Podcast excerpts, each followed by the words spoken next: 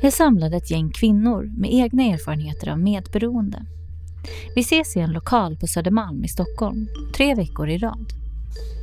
Som studiematerial använder vi boken Bli fri från ditt medberoende, skriven av författaren Melody Beatty.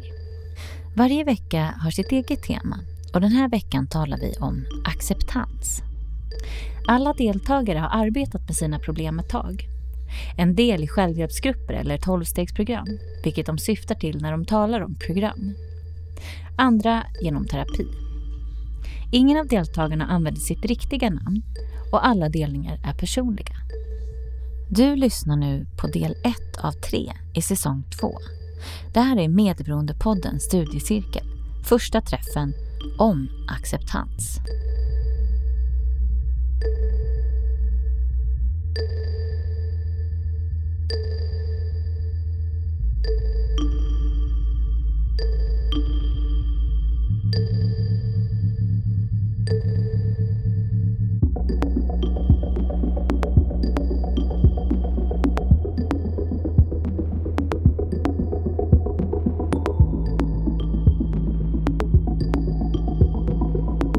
Välkomna hit! Tack. Tack. Tack. Medberoendepoddens studiecirkel är en grupp där alla delar medberoendeproblematiken på ett eller annat sätt. Vi kommer att ses tre veckor i rad och dela våra tankar, känslor och vårt hopp med varandra. Varje vecka har sitt eget tema och veckans tema är acceptans. Jag kommer strax att läsa en inledande text som berör temat. Därefter kommer vi ha en delningsrunda där var och en får dela sina tankar utifrån temat eller något annat som känns viktigt. För enkelhetens skull ber jag er alla presentera vid namn följt av medberoende. Sedan bekräftar vi personen genom att säga hej X tillbaka. Alltså, jag heter Ida och är medberoende. Hej Ida. Hej. Varje delning får ta fem minuter. Därefter är det dags att lämna ordet vidare. Vi delar från hjärtat och behandlar både oss själva och varandra med respekt. Nu ska jag läsa dagens text ur Melody Beatys bok Bli fri från ditt medberoende. Och jag läser ur kapitel 12 som kallas för Att lära sig konsten att acceptera. Acceptera verkligheten. För det mesta vet vi inte ens vad verkligheten är. Folk ljuger för oss, vi ljuger för oss själva och det går runt i huvudet på oss. Resten av tiden är verkligheten faktiskt mer än vad vi kan stå ut med. Mer än någon annan kan stå ut med. Varför ska det vara ett sådant mysterium att förnekande är en väsentlig del av alkoholism eller av något annat allvarligt problem som orsakar ständiga förluster? Vi har för mycket att acceptera. Vår aktuella situation är överväldigande. Oftast är vi så insnöjda i kriser och kaos i våra försök att lösa andras problem. Att vi är alltför upptagna för att bekymra oss om att acceptera någonting. Ändå måste vi någon gång komma till rätta med det som är. Om någonting någonsin ska kunna förändras måste vi acceptera verkligheten. Om vi någonsin ska kunna ersätta våra förlorade drömmar med nya drömmar och känna oss förnuftiga och fridfulla igen måste vi acceptera verkligheten. Försök förstå att accepterande inte betyder anpassning. Det betyder inte att vi resignerar inför sakernas eländiga tillstånd. Det betyder inte att vi accepterar eller tolererar någon form av trakasseri. Det betyder just nu att vi ser och accepterar vår situation, inklusive oss själva och människorna i vårt liv, som vi och de är. Det är endast genom att utgå från detta tillstånd så vi kan få sinnesro och förmåga att utvärdera denna situation, genomföra lämpliga förändringar och lösa våra problem. En person som utsätts för trakasseri kommer inte att fatta de beslut som är nödvändiga för att sätta stopp för det hela förrän han eller hon erkänner trakasseriet. Han eller hon måste då sluta låtsas att trakasseriet ska upphöra på något magiskt sätt. Sluta låtsas att det inte existerar eller sluta att ursäkta dess existens. Det är först i ett accepterande tillstånd som vi kan möta vår omgivning på ett ansvarsfullt sätt. I detta tillstånd får vi kraft att förändra det vi kan förändra.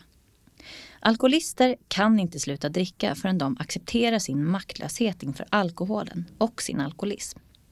Folk med matstörningar kan inte lösa sina matproblem förrän de accepterar sin maktlöshet inför maten.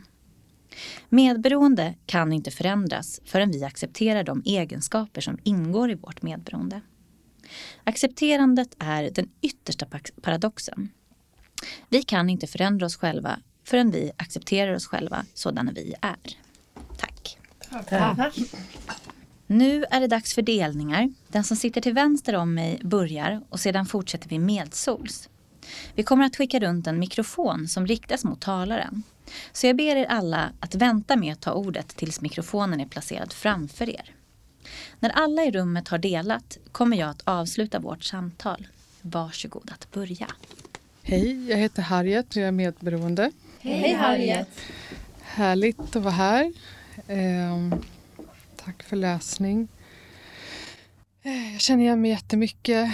Ehm, jag kände att ehm, jag det kom upp blandade tankar men jag ehm, tänkte på någon gång när jag hört på något möte att för att reda ut ett problem så måste man inse att det finns ett problem och acceptera ett problem. Och så är det verkligen. Jag har alltid trott att jag liksom måste kämpa lite till och lite till för saker som jag vill ska vara på ett sätt som de kanske inte är. Och att det som kommer sen efter man accepterat att verkligheten är att lita på att det kan komma någon ny slags acceptans eh, för någonting som är bättre för en. Men när man jobbar med sig själv är det väldigt mycket man måste acceptera. Eh, och verkligen acceptera att det inte riktigt blev som man kanske önskade då. Eh, och acceptera att man är som man är. Att ens föräldrar är som de är. Ens partner, ens vänner. Det är jättesvårt. Och man måste acceptera att man inte kan förändra någon annan. Det blir ofta motsatt effekt istället. Men att man kan förändra sig själv, det är ju det andra. Och när man förändrar sig själv, paradoxalt nog, då förändras människor omkring en. Så det är jätteviktigt att känna, eller acceptera att det är så. Det spelar ingen roll hur mycket viljekraft jag har eller hur, hur gärna jag vill att min mamma eller pappa ska vara på ett visst sätt. Jag måste acceptera att de är som de är. Och dessutom kanske inte förvänta mig särskilt mycket. Eh, och lägga energin på att hoppas att någon annan ska göra mig hel. Jag måste acceptera att det måste jag ge till mig själv. Och att de erfarenheter man har, acceptera att man har dem och eh, göra det bästa av situationen. Och vissa saker tar längre tid att läka. Då måste man acceptera att det gör det. Att eh, det tar lång tid att helas. Eh, och ju, ju, ju fler lager man skalar av så jag tror att liksom sista lagret är dödsbädden på något sätt och att det här kommer jag göra hela mitt liv. Och jag, jag fikade med en vän precis och vi pratade om att det här, det, den här smärtan och de här insikterna och sanningen man vill ändå inte vara utan dem eh, när man accepterat dem. För att de har ju format den också. Och man känner verkligen sig själv nära när man har accepterat hur ens situation har varit. Och, och man måste acceptera det men inte acceptera att det ska vara att, att man måste ta med sig det här till nästa generation. Och att man får göra annorlunda i livet, det tycker jag är helt fantastiskt. Att man är medveten och kan liksom byta spår. Och att vara i kontakt. Man, och vissa saker måste man också acceptera att man inte ska göra på vissa sätt. Eh, fixa människor. eh, på jobb och sånt, då måste jag vakta mig själv om, om någon är lite nödig på olika sätt. Att jag måste acceptera att jag, det är inte mitt uppdrag att fixa någon annan. Jag måste verkligen acceptera att, och lita på att alla människor tar hand om sig själva. Och jag tar hand om mig själv. Och det är en, en acceptans man måste kanske påminna sig om flera gånger om dagen. Och eftersom att man gärna går in och förändrar någon annan för att slippa sig själv. Men eh, jag, jag, det var en terapeut som sa till mig jag tänkte så här, vad är meningen med livet? Eh, är det att man bara ska lösa alla de här problemen hela tiden? Eh, och då läste han någon text där det stod att från att man kommer på och accepterar det här problemet till att man mer eller mindre löser det här problemet så är liksom från A till B, själva resan, det är det som är livet. Mm. Inte att uppnå målet utan att göra det för sig själv. Mm. Och det är väldigt läkande. Tack. Tack. Tack. Nina Medberoende. Hej Nina. Uh, ja, um, det känns som att um, det blir väldigt lätt uh, så här abstrakt i mitt huvud när jag tänker på acceptans. Uh, för att det är ju um, någonting som man måste göra via en abstrakt tanke på något sätt. Det går inte att acceptera eller jag har aldrig liksom accepterat saker eh, på ett sunt sätt i mitt liv. Eh, utan det har varit så att eh, man liksom lärt sig acceptera en massa saker som man kanske inte borde lärt sig acceptera från början. Så eh, liksom, jag har liksom blivit fel navigerad från start på något sätt känns det som. Lite grann. Eh, så att min kompass snurrar inte riktigt som den ehm, som jag skulle önska att den snurrade. Men jag tänker att eh, det, för mig, jag är jättebra på att fantisera. Jag har jättemycket fantasi och eh, det är ju en väldigt bra egenskap. Men den kan liksom missbrukas av mig själv och andra genom att jag kan liksom så här, lägga till väldigt mycket krusiduller på livet och på andra människors egenskaper och förmågor och mig själv och sådär. Och liksom måla upp en värld som är mycket mer glamorös och äventyrlig och rolig än vad den kanske egentligen är ibland. Eh, så att jag, och så liksom när det händer så jobbiga saker och jag blir liksom sviken och förnedrad eller kränkt eller ja, på olika sätt Eh, liksom inte välbehandlad så, ser är det som att när det, det händer så blir jag rasande eller ledsen eller någonting. Och sen så är det som att här, jag kan så här, sudda bort det på något sätt ganska snabbt. Och så bara, ja men nu är det bra. Och så är allting liksom, eh, och så, då blir det så extra bra på något sätt. Eh, för då måste jag ju förgylla allting för att inte det där andra ska störa. Och då blir det som att jag lever i två världar.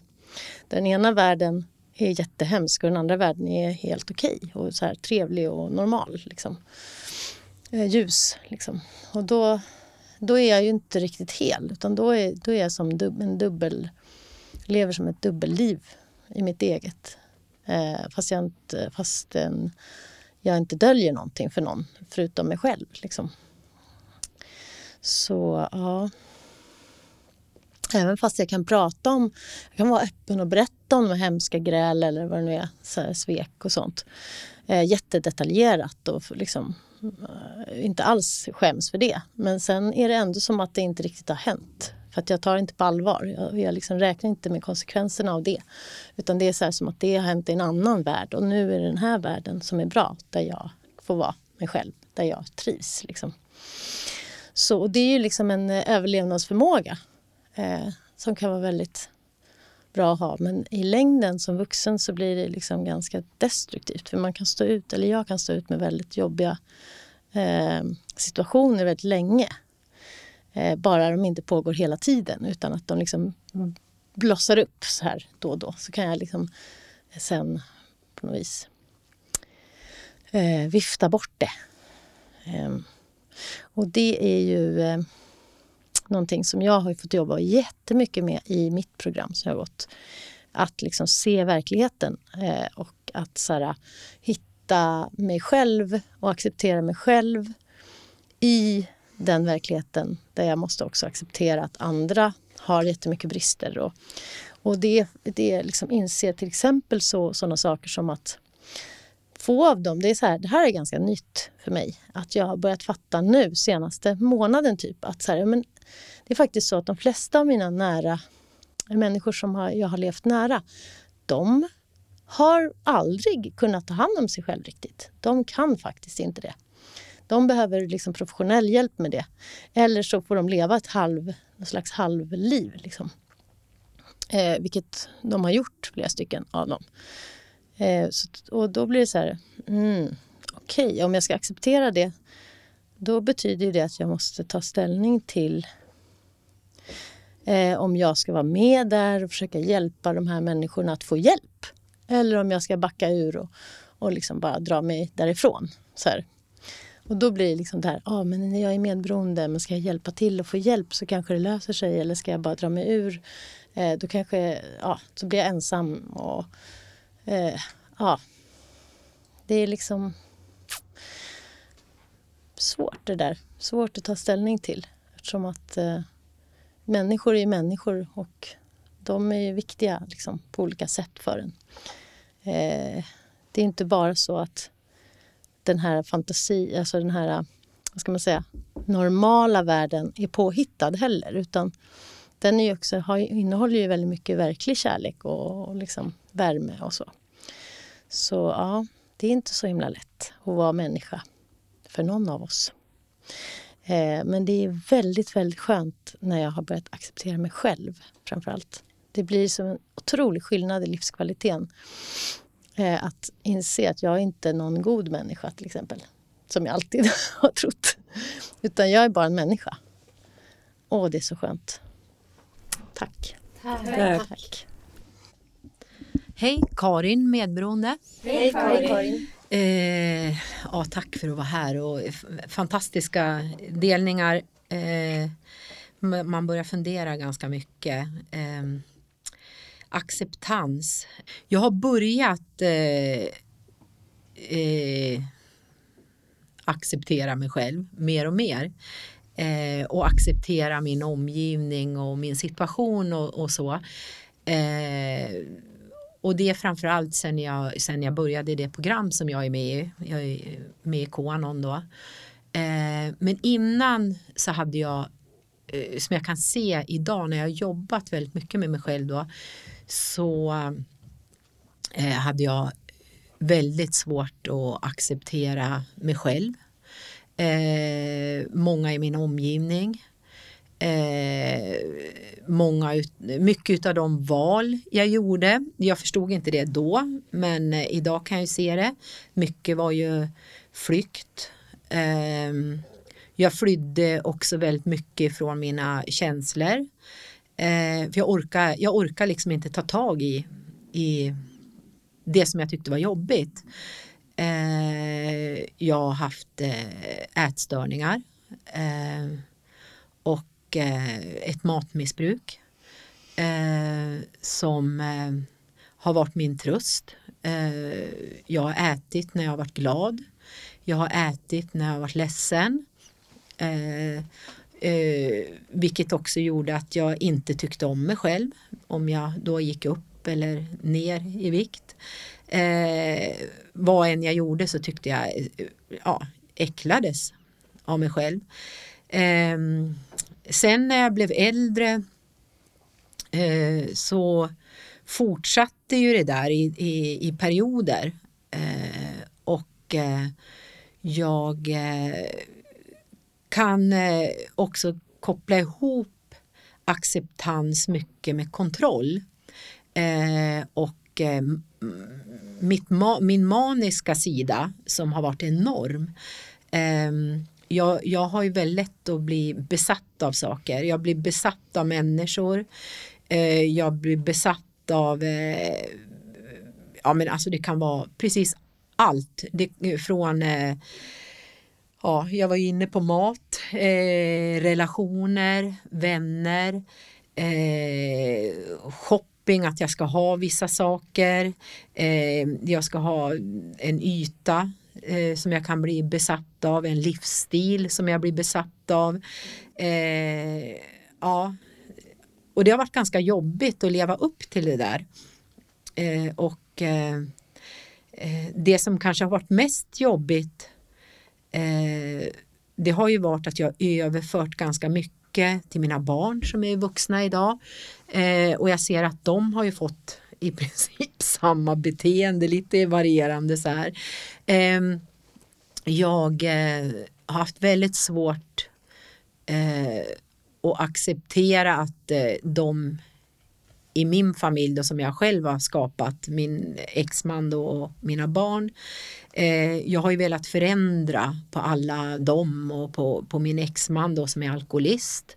Eh, och eh, det har ju varit en enorm besatthet. Eh, och jag har inte riktigt, jag har inte kunnat acceptera att varken att han eh, att han har varit sjuk på samma sätt som jag själv har varit sjuk. Eh, idag kan jag se eh, jag ser det på ett helt annat sätt och det är så skönt när man börjar komma till acceptans eh, och att man kan släppa taget. Det, alltså det är ju ton som ramlar eh, ifrån axlarna eller vad man säger. Eh, jag kan också se eh, när jag har jobbat mycket med mig själv och tittat på alla de här e, egentligen överlevnadsstrategier som, som jag har haft då. Mycket självskadebeteenden, eh, dragits till mycket dysfunktionella människor. Eh, min första missbrukare höll jag, träffade jag när jag var 13-14 år. Ehm, så, så kan jag se att det har ju med mitt själsliga och mitt känsloliv eh, att göra. Jag har alltid trott att jag varit jätteöppen för jag har ju varit jättesocial och eh, jag har kunnat gått hem i alla läger bland eh, de värstingar och sportiga människor och mm. eh, plugg, plugghästar, allt liksom. Eh, och så har jag tänkt att ja men gud, jag är jätteöppen och jag är jätte, men det har alltid varit en bit i mig själv som har varit väldigt, väldigt bara för mig själv. Och det är mycket den här skammen och skulden och, och, och, och sånt som jag försökt dolt. Eh, men det är fantastiskt för idag känner jag verkligen att eh, eh, jag kan släppa på så mycket. Eh, jag kan skala av, jag kan eh, ja, men jag, jag ser allting med helt andra ögon och mår så, så mycket bättre. Det går upp och ner hela tiden. Men just eh, eh, att acceptera att jag är så här. Eh, jag föddes så här. Så här var min uppväxt. Så är det. Eh, alla gjorde så gott de kunde. Eh, jag har gjort så gott jag har kunnat. Och nu är det så här. Men eh, jag har bara ansvar för mig själv. Det är jätteskönt, eh, tycker jag. Tack. Tack. Tack. Hej, jag heter Soraya. Jag är medberoende. Hej Soraya. Hej. Um, tack för att det är möte. Och tack för de sakerna ni har sagt innan. Jag tycker det är jätteskönt. Jag blir alldeles lugn av att höra er prata om saker som jag tycker är väsentliga. Jag är väldigt tacksam för att det rummet finns. Um, ja, det här med självacceptans, det är ju ingen lätt sak. Och om man är, har väldigt svåra situationer, trauman och sånt, så kan man inte vara kvar i sig själv, i sin kropp. Man måste lämna den platsen. Eh, så att, att då växa upp och lära sig själv att jag överlever det här. Jag är okej. Okay, för att sen gå tillbaka och acceptera den Eh, den väldigt stora smärtan. Det kan man bara göra utifrån en plats när man är relativt säker. Mm. Men det arbetet pågår ju ständigt sen i resten av ens liv. Som någon tidigare sa, säkerligen ända till ens död. Ehm, där har jag haft väldigt svårt att acceptera att jag vet att det är sant att de gjorde sitt bästa. Jag vet att det är så. Jag vet att jag också har gjort mitt bästa men jag har svårt att acceptera det i en del fall. Där jag inte kan tycka att de gjorde sitt bästa. Jag har brottats med det. Är, men äh, märker också en annan sak i, i det här omfamnandet av den här personen som man tittar utifrån. Alltså det finns ju en sida av mig som kan iaktta allting jag känner och tänker också som inte är negativ. Utan som bara kan som var, typ vara ett med det gudomliga eller någonting. Eh, hela tiden. Den sidan skulle jag vilja vara snabbare. Eh, så att inte egot är i vägen hela tiden. Eh, och den skulle jag vilja lyssna lite mer på, få den att växa. Eh, så att det inte det här lilla arga barnet eller vem det nu är tar för stor plats. Men eh, alltså jag tycker att jag är på bättringsvägen.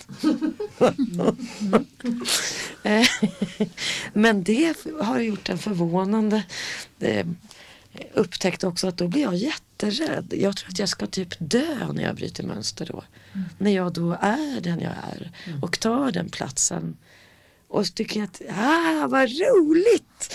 Och inte ha så här gard bakom ryggen, nu kommer det något farligt eller nu ska man bli skammad utan ah, jag är jätteglad, det är skitkul och kolla vilken fin grej jag har gjort. Så här. Uh, och då, om man gör det så blir jag, jag blir så skräckslagen.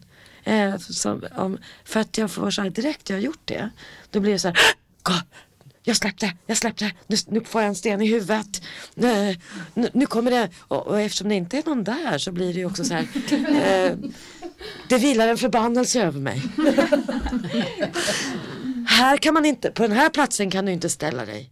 Det är liksom generationer av kvinnor också som säger ställ dig inte där. Du kommer att halshuggas, strypas, brännas. Göm dig. Det tycker jag också i samband med allting med metoo och det. Så blir det ju kollektivt hos inte bara mig utan hos alla som jag känner. En någon sorts stor sån åh, rädsla för den backlashen som också är i en själv. Men det är också generationers kunskap. Vetskap om att det kostar. Um, att ta emot hat. Att ställa sig på en sån plats och säga, sätta sin gräns. För att kunna acceptera ett övergrepp till exempel. Då måste man sätta den gränsen. Då måste man tala om för någon annan att den är dum eller har gjort fel. Det gör ont. Och det tar ju jättelång tid. Men jag är bitvis pendlande i alla fall att kunna vara glad över min Grey. Mm. Eh, emellanåt. Eh, lite längre stunder. Just idag är jag fruktansvärt eh, mycket panik just på grund av det. För att just nu har jag ställt mig på en plats där jag säger ja men här får jag vara och hålla på. Jag, är otroligt skräckslagen just nu. Så jag blev jätteglad att komma hit och höra bara just det, det, heter, det finns ett ord för det här som heter acceptans. Just det. Okej. Okay. Vad bra. Skönt. Så jag hoppas att eh, min lilla inre apa kan leka lite fritt här nu en stund. Okej, okay, tack. Tack. Hej, Evelina Medberoende. Hej Evelina. Hej. Um, mm, mm, jättetacksam att vara här. Tack för fina delningar och läsning. Um, jag var inte helt med i läsningen faktiskt för att jag, är, jag har lite svårt att vara i nuet. Jag är hela tiden eh, ute på turné eh, i framtiden. Och, eh, men jag, jag kommer tillbaks, i, nu är jag här. Eh, och ac acceptans, ehm, det ordet tror jag inte riktigt att jag förstod alls innan. Um, jag kom till eh, mitt program som jag går som har hjälpt mig jättemycket som heter Koanon. Um, för mig, jag trodde att acceptera någonting att om jag accepterar en människa så accepterar jag dens beteende. Att det var liksom så här eh, om någon person är elak då kan jag inte acceptera att den är elak. Så jag kan inte acceptera den personen. Um, vilket gör också att det blir svårt för mig för att då um, eller jag pratade faktiskt med någon om det här tidigare idag, om att acceptera. Och då tog jag exempel, till exempel att min låtsaspappa, eh, jag har liksom inte accepterat honom eller min mamma eller min pappa. Utan jag har hela tiden försökt att eh, ändra på dem. Inte kanske så här eh, sagt det till dem. Det har jag väl försökt göra någon gång. Så att, måste du vara så sur eller liksom, kan inte du hälsa på mina kompisar när de kommer eller vad, vad det nu kan vara. Eh, men jag har liksom inte um, accepterat dem, att de är så här. Jag kommer inte få en bullmamma som är en superbra mormor till mina, um, till mina barn till exempel. Utan jag, min mamma är på det här sättet. Jag kan inte ändra på det. Um, och om jag verkligen älskar en person så måste jag acceptera den som den är utan att jag är där och liksom trixar till den. Liksom. Um, och, men jag behöver inte acceptera beteende hos folk utan där kan jag ju sätta gränser. Och det hade jag heller aldrig tidigare gjort. Utan Eh, för jag trodde att det var liksom samma sak, att om jag accepterar en människa så måste jag acceptera liksom, att den är dum på något sätt. Men, men eh, det kan man ju... Ja, nu snurrar jag in mig här känner jag. men, eh, men ehm, um, att till exempel om, en, om um, jag har varit med om något hemskt så måste jag acceptera att jag har varit med om något hemskt. Men det gör det kanske inte saken som jag har varit med om rätt för det. Jag accepterar inte själva grejen, men jag accepterar att det har hänt. För det har hänt. Och accepterar att det är som det är nu, till exempel. Eh, att det är grått ute. Jag måste acceptera det, för jag kan inte göra någonting åt saken. Och jag tänker dagligen på eh, sinnesrobönen som hjälper mig jättemycket. Och det handlar ju om att acceptera det jag inte kan förändra. Um, och det kan man ju liksom sätta på i vilken situation som helst. att jag accepterar den här, eh, alltså som det är nu, eh, den här situationen. Men vad, vad kan jag förändra med den? Jag kanske kan förändra min inställning eller eh, också inse vad är skillnaden på det? Vad är skillnaden på att acceptera och, ja, och sätta gräns mot en annan människa? Liksom, om den ja, man har ett sätt som man inte kan acceptera. Ja, jättesnurrigt kanske det blev här. Men skitsamma jag accepterar att det blev snurrigt. um, och sen acceptera sig själv, att man är människa och gör fel och är rätt. Och um, Det är också en resa liksom. Um, och när jag insåg att jag aldrig accepterat mig själv som jag är, för att jag inte vetat vem jag är. Det var också en så här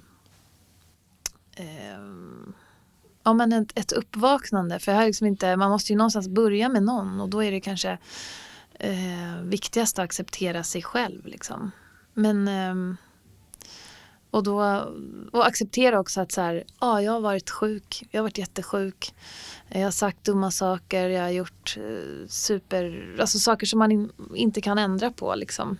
Eh, men jag kan ändra på dem idag. In, inte det som har varit men det som komma skall liksom, och nu. Um, och inte slå på sig själv utan vara så här, ja, men, så här är jag liksom. Och om jag är rädd, som jag känner mig lite rädd nu, eh, för så här, saker som kanske kommer hända. Och då, då känner jag också att så här, ja, jag måste acceptera att de här känslorna dyker upp. Jag kan inte så här, eh, tvinga mig själv att inte tänka utan ja, nu kommer de här och det är okej. Liksom, jag accepterar att de kommer. Jag behöver inte lyssna så mycket på rädslan men jag accepterar den, att den finns där. Eh, och det betyder inte att den är rätt men det betyder att den kommer. För börjar jag göra massa motstånd då, eh, ja, då, går, då blir det liksom lite knas. Eh, ja, tack. Tack så mycket. Tack. Hej, Diana Medberoende. Hej Diana. Mm, tack så mycket för mötet och tack för jättefina och kloka delningar. Eh, både vindlande filosofiska delningar och mer eh, vardagsmässiga eh, delningar. Det ger mig jättemycket. Det visar också på bredden, just det här med när man tänker på acceptans och sitt medberoende. Att det är jätteviktigt att man, att man förstår att man har ett reflekterande jag Eh, som kan vara jätteanalyserande och tänka jättemycket på acceptans och har läst på jättemycket om sitt medberoende och att man inte ska ta rast från sig själv och hoppa in i andra. Eh, men det spelar inte så stor roll för när man sen eh, råkar på en trigger i sin vardag som kan vara nästan var som helst. Det kan vara att man blir, får ett rasistiskt påhopp i tvättstugan av någon granne som man egentligen inte bryr sig om vad den tycker. Och så är det någon sorts trigger där man måste försvara eller mästra den personen. Eller så. Och då har man inte tillgång till alla de där smarta sakerna som man faktiskt har tänkt. Eh, utan då tror man att man ska vara den som eh, förklarar på ett jättevänligt sätt varför man inte ska vara rasist. Eh, eller något sånt där. så att det, det medberoendet och acceptansen, det är, man måste acceptera sitt medberoende och man måste också acceptera att det eh, hoppar på en i, när man är som minst beredd.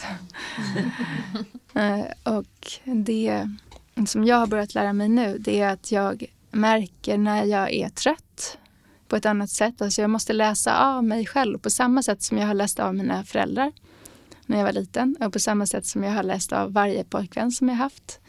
Eh, på samma sätt som jag läste av mina bebisar när jag fick barn. Eh, eller mina katter.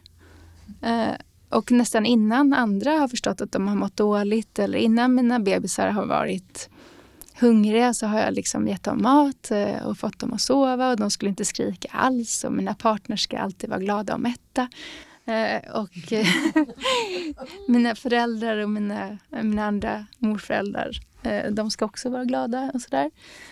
Och nu vänder jag på hela det där och bara, ja, men att försöka då acceptera den här defekten som det ändå är. Att hela tiden befinna sig i, på något sätt i, ovanför sitt jag eh, och kliva in istället i sin egen kropp och börja vända det här mot sig själv. Och bara, men det här är ju faktiskt skills som jag har. Jag behöver bara vända det här till att lyssna till mina egna känslor. Hur mår jag just nu? Innan jag går in i tvättstugan, om det är så att jag då kommer för sent till tvättstugan till exempel kan det hända att det står en arg granne där som är rasist. eh, om jag då är lite trött så måste jag tänka på att det här kan vara så att jag måste gå in och be om ursäkt till att börja med. Jag måste faktiskt göra det och inte gå in och, och liksom försöka skydda mig eller försvara mig för då kommer det gå dåligt om jag träffar rasistgrannen.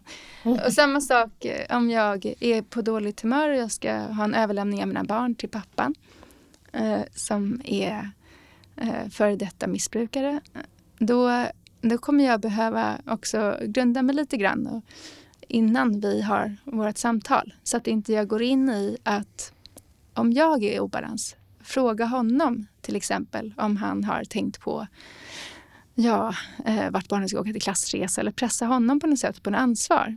Eh, för det har jag gjort väldigt mycket. Jag har liksom projicerat. Eh, I de stunder när jag har varit svag så har jag gått in och försökt styra upp till exempel min ex. Eh, och då får jag liksom nu äta upp detta och bara, vänta lite nu. Jaha, här kom en tanke där jag inte accepterar mina barns pappa som han är. Varför får jag den här tanken just nu? Jo, men det är nog för att jag är trött och för att jag är ganska missnöjd med att jag inte har eh, skött om barnen kanske just idag för att jag var trött. Eh, och då när jag lämnar över så egentligen kanske det jag ska säga är, vet du vad, jag har varit så trött idag, eh, kära pappa till mina barn. så de har varit lite, eh, jag har inte varit så schysst mot barnen. De har fått mat sent och de gick och la sig sent igår. Så du får tyvärr balansera upp det här nu. Eh, lycka till! jag hoppas att det går bra för dig. Eh, istället för att hoppa på honom om att han ska liksom vara superperfekt förälder. Eh, Ja, så att det där medberoendet är, är svårt eh, att hantera och att acceptera är det sättet som jag kan hantera mitt medberoende. Men jag kan inte komma bort från mitt medberoende så att det är en ständig kamp med detta acceptans.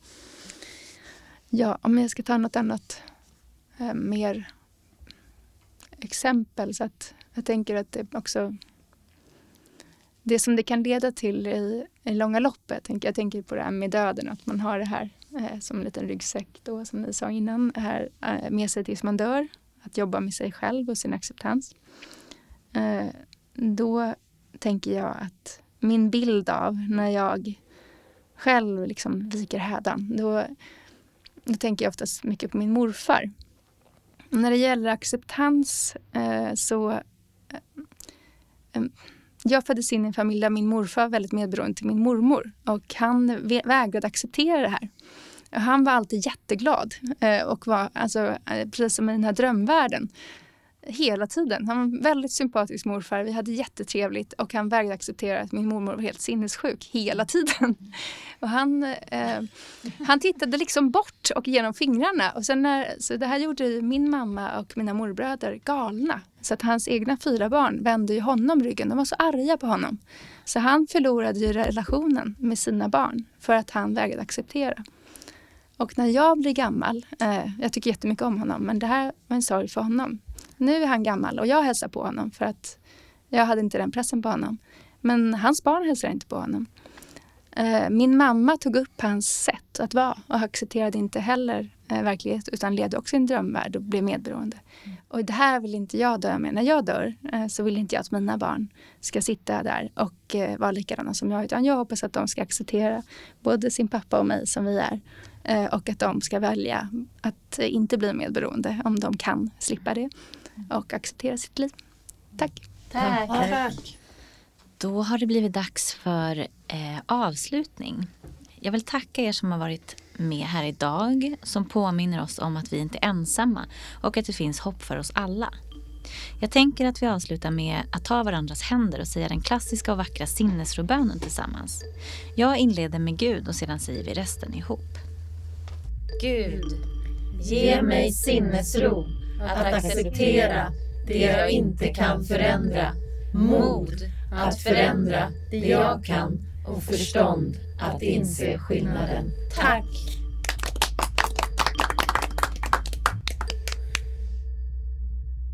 Du har nu lyssnat på första delen av andra säsongen ur serien Medberoendepodden studiecirkel.